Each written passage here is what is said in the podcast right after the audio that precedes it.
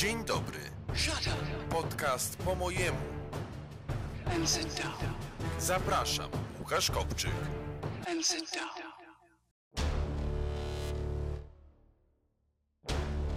Kiedy Niemcy najeżdżali Polskę w 1939 roku, zrywali polskie flagi i w ich miejsce wywieszali flagi III Rzeszy. Co robili krasnoarmiejcy, gdy wkraczali do Polski i innych państw rychło skutych w komunistyczne kajdany? Takoż samo flagi państw zdobytych zastępowali czerwonymi flagami z sierpem i młotem. Kiedyś Polacy przelewali krew, by ta biało-czerwona flaga powiewać mogła swobodnie na wietrze. Dzisiaj, w czasach pokoju, sami polskie flagi zdejmują i zastępują je flagami ukraińskimi.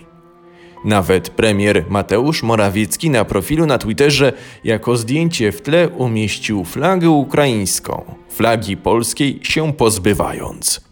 Wyobraźcie sobie, że premier Kanady w tle umieszcza sobie flagę Wielkiej Brytanii. Od razu każdy Kanadyjczyk uznałby to za symbol uległości wobec korony. W mojej ocenie te wszystkie działania są na rękę Rosji, tak jak masowa imigracja Ukraińców, bo doprowadzi to do sporów na tle etnicznym. Już się Ukraińcy rządzą, ośmieliwszy się blokować granicę polską. Tylko jeśli wyrazicie krytykę wobec działań rządzących, jeśli powiecie choćby jedno krytyczne słowo skierowane w stronę działań, y, które są y, powiązane jakkolwiek y, no, z Ukrainą, to nazwą was ruskimi onucami. W epitetach nie mają sobie równych.